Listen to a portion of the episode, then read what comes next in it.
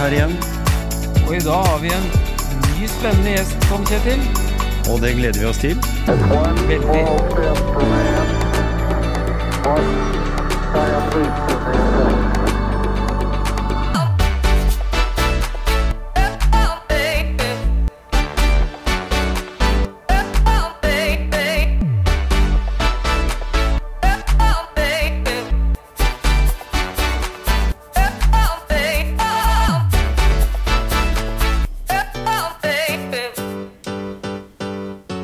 Ja, Gisle, da er vi tilbake igjen i studio. Ny episode i Motivasjonspreik. Mm. Jeg ser at du, eh, du må nok motivere deg litt, og så kjøper du noen nye lesebriller, kanskje. Er det to pluss du har? Nei, det er én pluss. Én pluss, ja. Ja. Gå opp en grad, så blir allting mye bedre. ja. Det er sånn jeg gjør.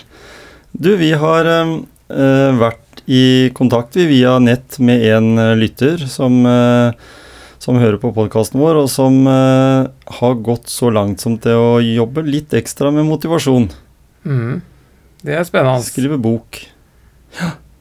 Og jeg vet jo hvor mye jobb det krever, eh, å skrive bok. Bare, eller fra den jobben du begynner med første tast på tastaturet til du, boka er ute. Bare den jobben er jo Det gjorde at jeg fikk veldig respekt for de som kaller seg forfattere, da. Og det må vi jo si til deg, eh, Daniel Osen, at eh, du Det er en av dine ting eh, du driver med. Ja, det, det stemmer det. Ja. Jeg er jo helt enig med deg. Fått uh, utrolig stor respekt for de som skriver bøker, for å si det slik. Ja, ikke sant? Men, men litt om uh, Daniel, da.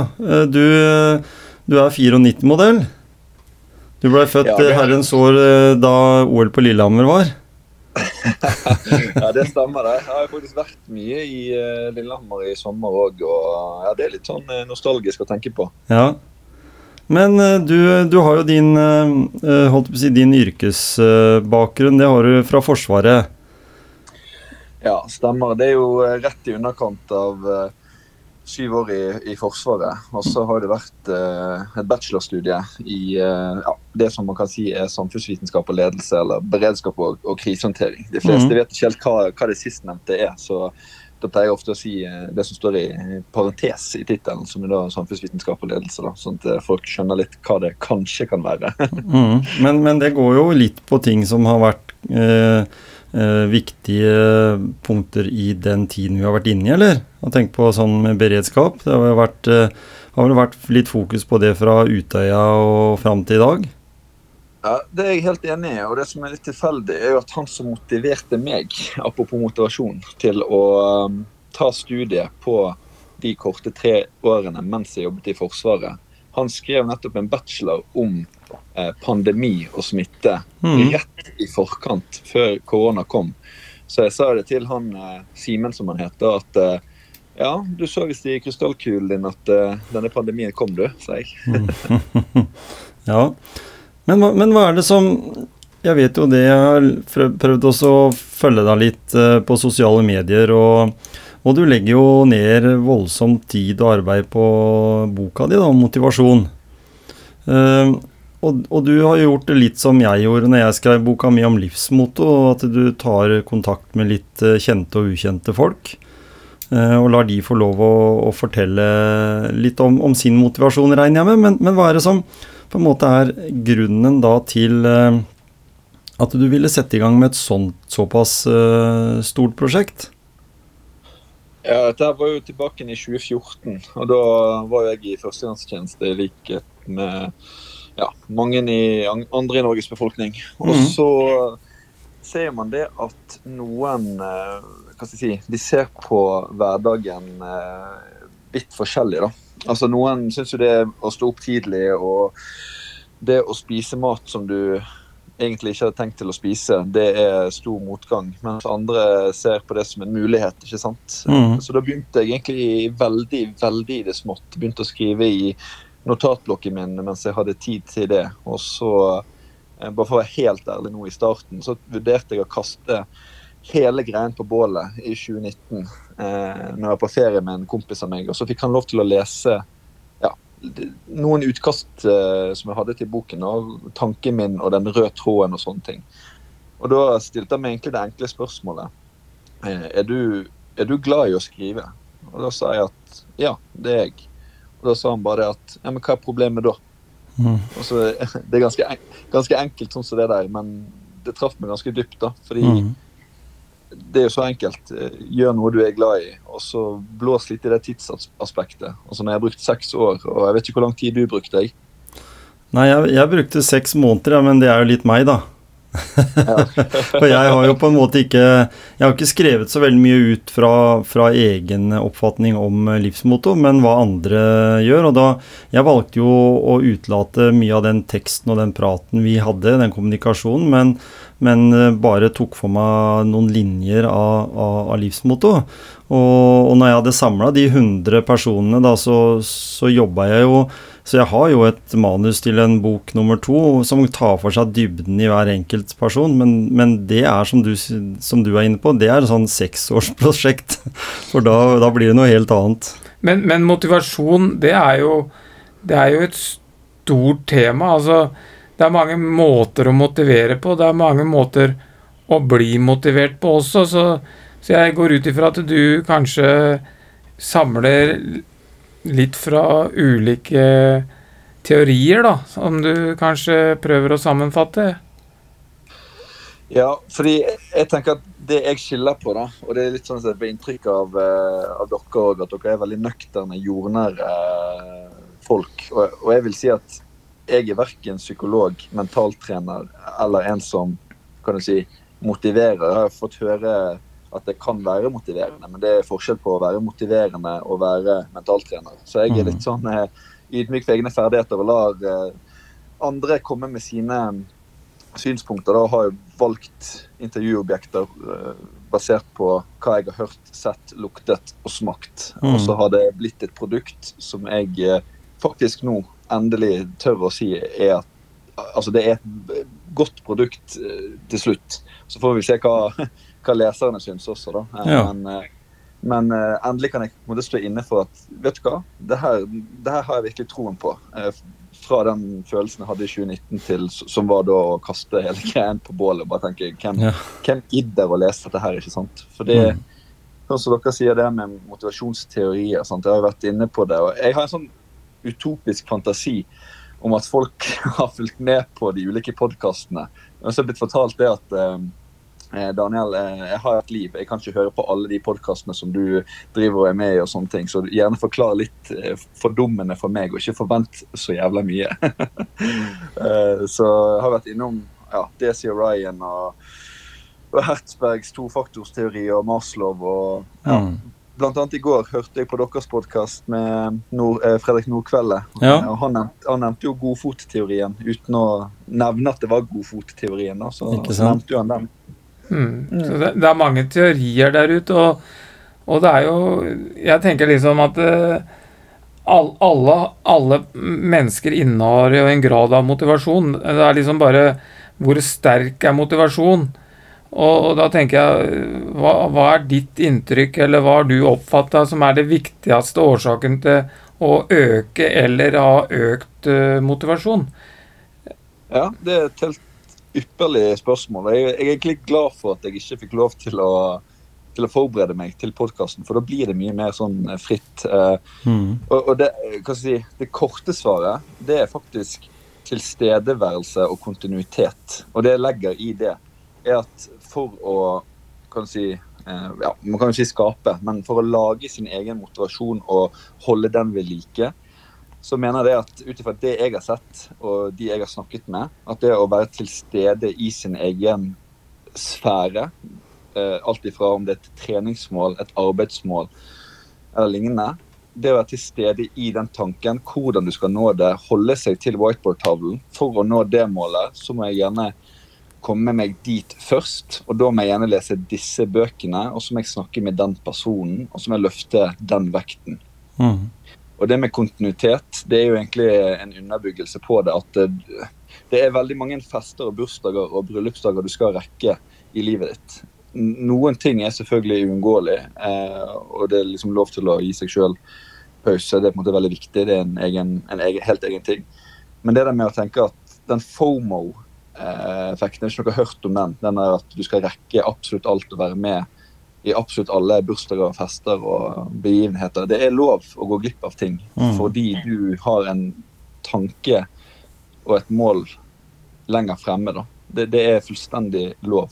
Så det er de to korte tingene jeg vil si om det, som allikevel ble litt langt. Ja, ja for det, det der du sier der, det har vi jo sett eksempler på. At, at det er noen Hvis vi skal trekke det inn i idrett, da, så er det jo noen som som har eh, prioritert da, å ikke gå å være med på det og det, og så har de oppnådd det de ønsker seg å oppnå, og så, og så slipper de litt opp på det og, og skal være med på litt for mye og skal ta del i en del, da, for de trekkes i tråder både her og der.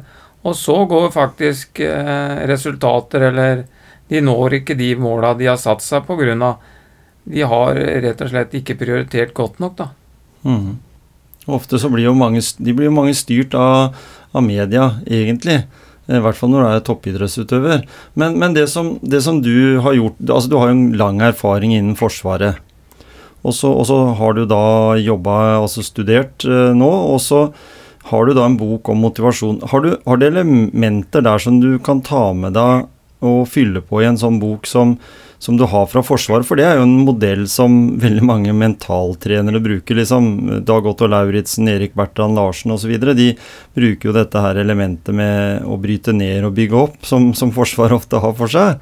Eh, Er det noe av det du har tatt noe lærdom av, eller, eh, eller har det på en måte blitt eh, en mindre del i, i den bokprosessen din? Det, det også Jeg liker veldig godt spørsmålet. Fordi når jeg satte meg ned og begynte å jobbe med dette, så merket jeg at Og det fikk tilbakemelding eh, fra det som kalles en konsulentuttalelse, som du òg sikkert har vært borti. Det at eh, det nesten ble dømt til å være for mannssjåvinistisk, på en måte. Eller for eh, militært. Så jeg valgte faktisk bevisst å gå bort ifra det. Eh, Mm. Altså mye bort ifra det. Og så lot jeg eh, det hverdagslige og hvermannsen-eksemplene kommer mer tydelig fram. Eh, Jeg støtter jo veldig mye av det Forsvaret gjør, og jeg har jo god kontakt med Forsvaret i dag. Jeg har jo studiepermisjon akkurat nå, da. Jeg tar jo et halvtårsstudium i personvern siden jeg jobber mye med det og har høy motivasjon for akkurat det. Mm. Eh, og eh, eksempel det der med å bryte ned, og bare for å gå rett inn i det, så er Mhm. det sånn at Jeg husker ikke hvilket årstall det var, men jeg tror det var rundt 2014, eller litt før. Så fant de, de altså Forsvaret da, ut at det å finne de beste lederne ved å sulte de i hjel og la de gå mange søvnløse netter, det fungerte egentlig ikke så optimalt som man skulle. Det kan fungere for å finne den beste spesialjegeren. Jeg har jo eh, venner som, som er det i dag.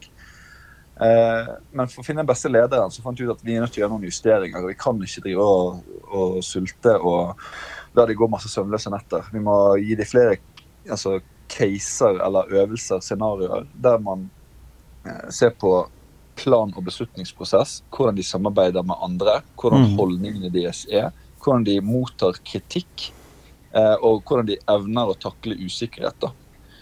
Så der, rundt det årsskiftet der så skjedde det en endring, bl.a. i opptaksseleksjon og måten man snakket sammen på og evaluerte kandidatene. Mm. Så, så bare der har man et, et, et eksempel på akkurat, akkurat det du nevnte med å Mm. bryte ned og bygge opp igjen. Mm. Ja, for jeg, for jeg, jeg var jo i, i militæret på den tida da Sovjetunionen var liksom trusselen i, i der, og det var den kalde krigen. Så det forteller ikke bare det hvor gammel jeg er, men også litt hvordan situasjonen var den gangen.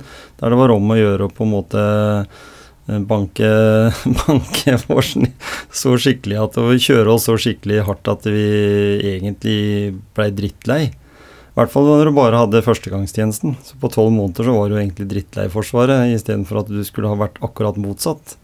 Så, så, så modellen der funker sikkert for noen, som du sier, med det hvis du skal bli en god jegersoldat, mm. Men, men for allmenn uh, på sin menig, så, så er nok det en, eh, en litt feil prosess, tror jeg. For jeg, jeg er litt sånn som person av, av det som jeg forsøker å motivere andre med, det er jo noe som jeg kaller nesten sagt så enkelt som gulrotprinsippet. At du gir litt, uh, gir litt belønning istedenfor at du gir straff. Men det er min, eh, min modell, på en Og, da, måte. og da, da er jeg litt inne på det der med indre motivasjon og ytre motivasjon. Altså den derre Jeg tenker at det, det må kanskje være en, eh, en kombinasjon, da. Men, men hva tenker du er viktigst for å, for å nå mål og, og det du drømmer om? Er det in, den indre motivasjonen eller den ytre motivasjon? Ja, nå er jo jeg litt eh, farget, da, så jeg føler meg nesten inhabil til å svare på spørsmålet. For når du har snakket, snakket så mye om motivasjon over så lang tid Mhm. med så kompetente folk, så er det nesten sånn at det er et ledende spørsmål. Men faktisk et, et, et stort men og utropstegn. Jeg har fått utrolig stor respekt eh, for ytre motivasjon etter å ha snakket med både Sondre Risom Liverød, han som har podkasten Sinnsyn, Mhm. og eh, Tor Åge Eikerappen i eh, ja, XEQ, bl.a. den nettsiden hans, og det han eh, driver med, organisasjonspsykologi. Fordi når det gjelder samlebåndsjobber, eller jobber som har repetitive oppgaver, og det har ingenting med å snakke ned en jobb med å gjøre, det har bare med at eh, rutinepreget hverdag, den, altså den er høy, altså den er frekvent. Og da er ytre motivasjon vist seg å være ganske effektivt. Eh, OK, jeg gjør en jobb. Jeg kommer eh, hit fra dit til det og det klokkeslettet. Eh, da forventer jeg på en måte at i løpet av ett år, kanskje, så får jeg en høyere avkastning for å gjøre eh, den jobben. Mens når det er mer eh, krav til kreativ tenkning, gjerne arbeid i grupper, og gjerne prosjekter som krever mye ressurser, både å samarbeide med eh, eksterne, digitale verktøy, og altså en presentasjonsevne. Det vil si at du, du har kanskje en god plan, men du er nødt til å klare å presentere det på en, en spiselig måte. Da. Mm. da har det vist seg at det er med indre motivasjon å se målet, og gjerne i gulrot, sånn som dere har nevnt, eh, underveis. Eh, det, det er vesentlig mer effektivt enn å si at eh, nå har vi snart i mål, folkens. Nå blir det 20 000 ekstra på lønnsslippen. Ja, ja, men det er nett likegyldig, det. For vi ønsker å nå målet. For vi har, vi har lagt ned et prosjektarbeid over tid, og det krever mye av oss. Mye kreativ tenkning og mye eh, kontinuitet. da. Mm. Så jeg vil, eh, jeg vil jo selvfølgelig si indre motivasjon, men jeg vil òg slå et slag for eh, den eh, ytre motivasjonen, faktisk. Mm. Og da tenker jeg liksom Det er litt sånn situasjonsbetinga om du har en gruppe, eller hvilken gruppe det er og sånn, da tenker du. Altså, som du sa, det der med samlebånd og da du kommer Du har en jobb, da, og så, og så liksom på en måte Du går hjem fra jobben, og, og du har prestert den dagen, da, men men liksom, det å motivere for å, for å gå på en sånn ordinær jobb, da, og som skal prestere et resultat, altså du skal gjøre en god jobb hver dag, den, det, det er kanskje annerledes enn å være idrettsutøver og bare ha deg sjøl å tenke på. Jeg vet ikke, det er, det er liksom et sånt komplekst eh, det der med å motivere òg, da. Så og så tenker jeg liksom det å repetere eh, sånn motivasjon, da. Eh, hele tida holde det varmt. Altså, du må jo på en måte lage oppgaver eller gjøre det interessant eh, å gå på jobben. Det er jo det er mange ting. Mm, og, du, og du har vel sikkert, som oss, da, du har sikkert noen eh, såkalte mentale trenere, eller de som, som- holder såkalte foredrag om motivasjon. Har du, har du noen eh, favoritter der, altså som du mener sjøl du kan ha vært på, eller som du har, har liksom snappa opp noen eh, gode poenger?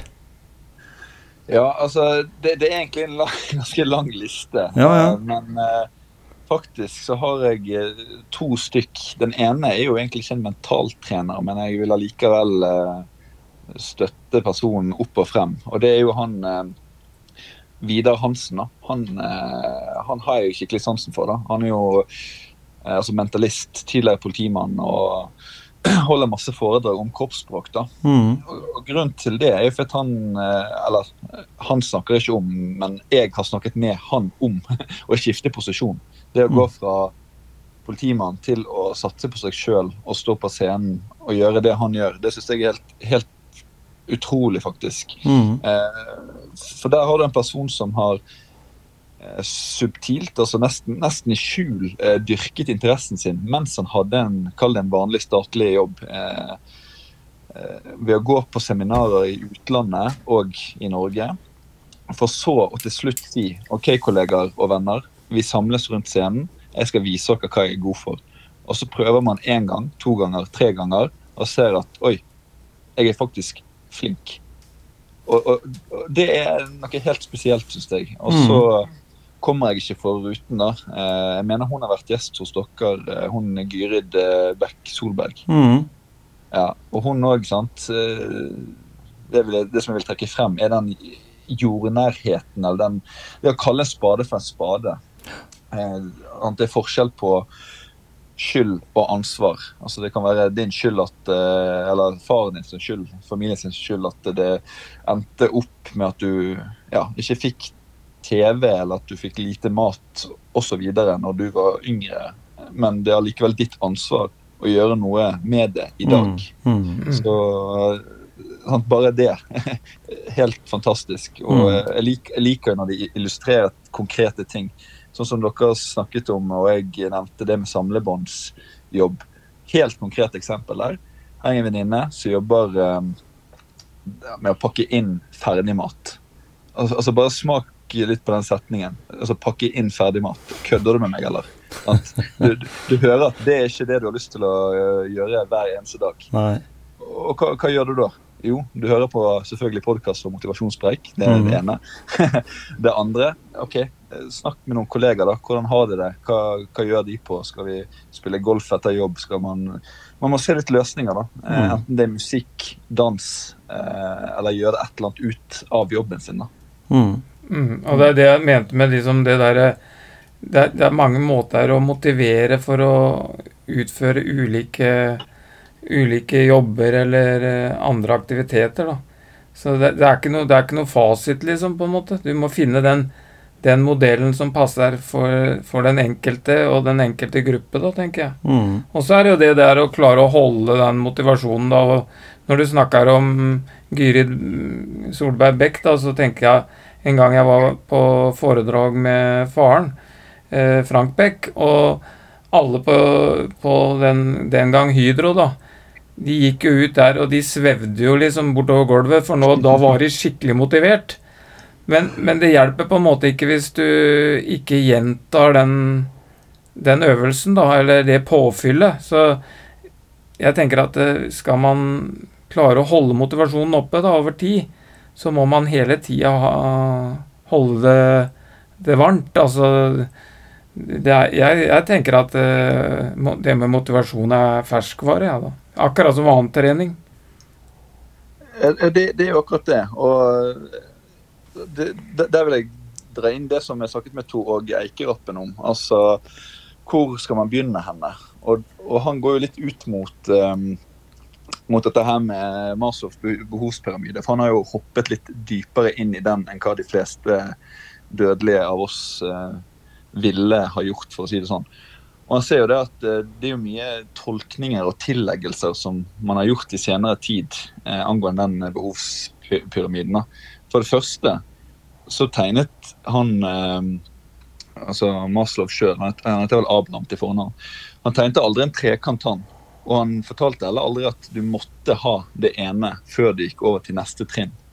Og der, eh, Det eneste Tor Åge var enig med si, Maslow i, da, det at eh, det her med trygghetsbehov nederst, det var helt essensielt. Og da nevnte han et fint eksempel, syns jeg.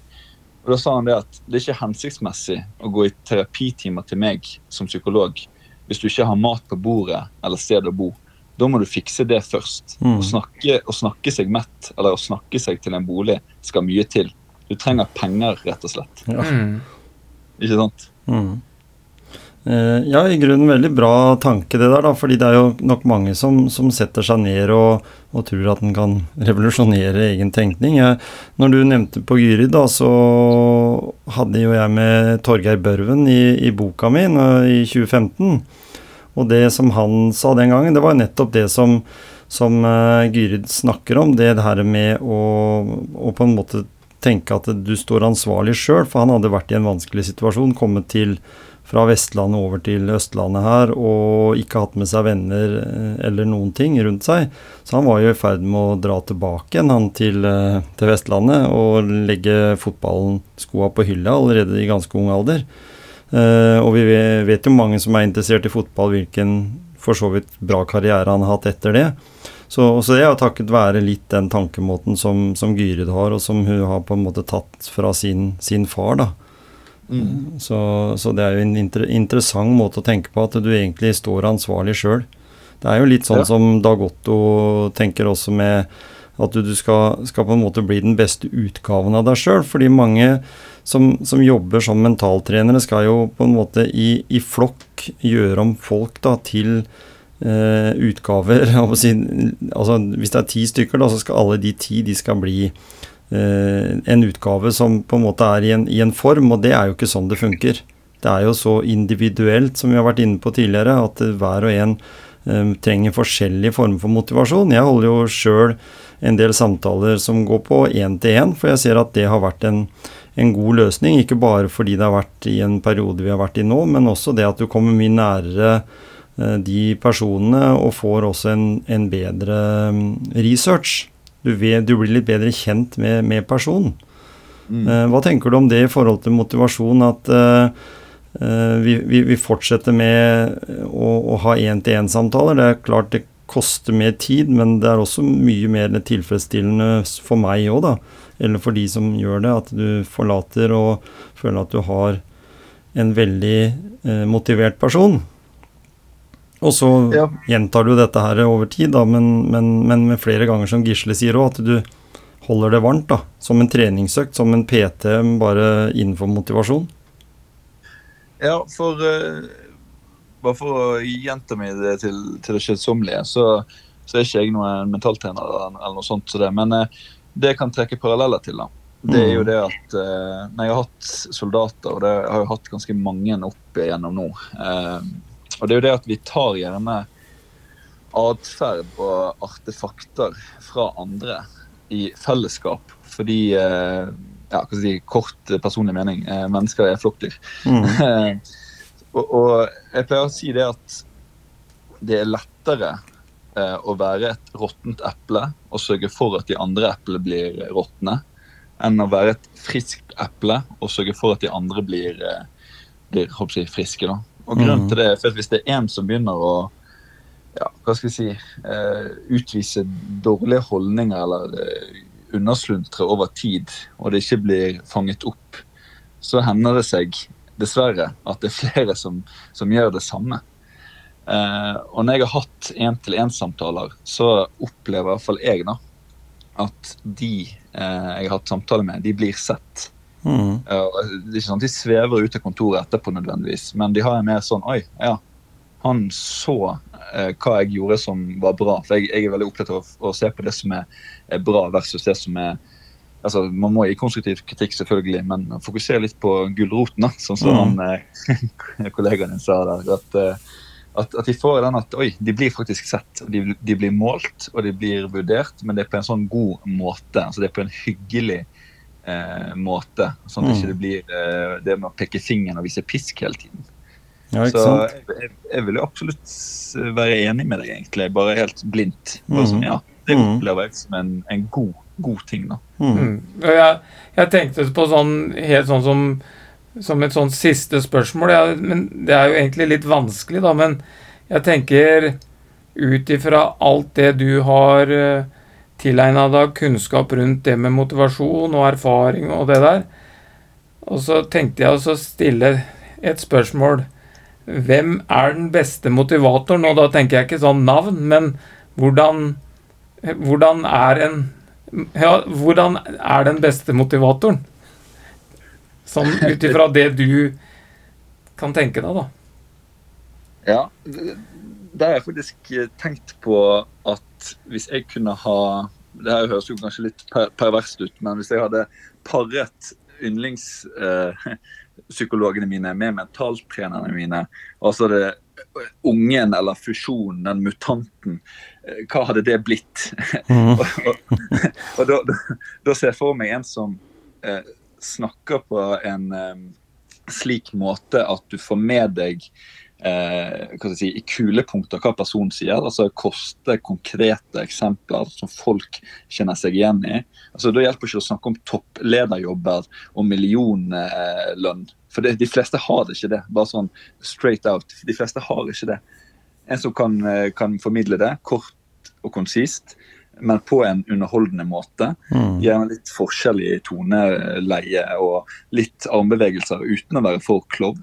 Eh, samtidig som man holder på den hva skal jeg si, jordnærheten og kontinuiteten, sånn at man ikke blir høy på seg sjøl, kan du si. Altså, jeg har opplevd at noen kan snakke til meg på en veldig sånn, eh, ja, kall det motiverende måte. da. Og så er det litt sånn at eh, ja, hvem var du igjen? Du var han er Daniel et eller annet. Du, hvem er du? liksom. Altså, da, da, du merker at da har man snakket litt over seg sjøl. Mm. Man heller holder det litt sånn som Gyrid gjør, faktisk. At hun holder det veldig nede og snakker til folk, eh, eh, og ikke om folk. Mm. Eh, Det er et sånt eksempel hun bruker, som jeg bare kom på nå. altså Man snakker til folk og ikke om, om folk. og det, det setningen støtter veldig. Eh, så så, det, det er på en måte det jeg vil, vil si. da, altså Bare holde det helt basic og ikke Hva skal jeg si det, det, det er viktig med anti-janteloven og alt det her, men av og til eh, stikke fingeren ned i jorden. Vi er alle mennesker. Eh, et hode, to armer, to bein. Det må ikke være det engang. Kan være at du har mistet beinet, for alt jeg vet. Men vi er på en måte de samme folkene uansett. Mm. Mm, Det tror jeg også er veldig viktig. At den, ellers så blir det distanse mellom eh, motivator og den personen som ønsker å bli motivert. Altså, Mm. så blir det heller en sånn nesten en sånn slags frykt. Ja, nemlig. Vi gleder oss veldig til å få den boka i hånda, vi, Daniel. Den, eh, er det noe tidsperspektiv, eller er det Ja, vet du hva. Det har jo eh, blitt forskjøvet den ene siden og andre siden. Men nå så er i hvert fall det som er predikert, det er at forhåndssalget blir i oktober. Dvs. Si at man kan bestille boken. Og så har det med Mm. trykke, eh, altså trykkehastighet eh, Ja, å gjøre. Så skulle jeg ha valgt, så skulle jeg ha bare fått ut et sånn sort hull akkurat nå og bare holdt boken. Men det er ikke Mm. sånn det fungerer, har jeg skjønt. da. Det har Nei, nei. ISBN-nummer, er registrering i Mm. registeret og det, Jeg tror du har vært innom denne prosessen. Jeg har vært gjennom, jeg har vært gjennom det. Det, det viktigste er at du får den ut før jul, sånn at årets julegave, det er boka di om motivasjon. Uten, uten tvil. Ja, det, det, er helt, det, det er helt greit. Det, Så- blir faktisk årets julegave. Så kanskje tar vi en prat når boka kommer inn på bordet her hos oss i studio, så må vi jo snakke om den boka og snakke med deg igjen, for da vil jo det være, være på en måte en, et, et tema i seg sjøl, det.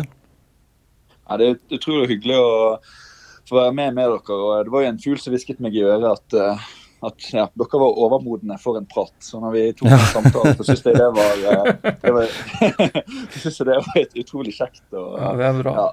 Det er veldig bra, Daniel. Vi, jeg, jeg har noen kontakter oppe i, oppe i Stjørdal, jeg, så jeg, jeg skal sende med han neste gang han er i Skien en sånn motivasjonspreik-kopp som du kan ha med på tur.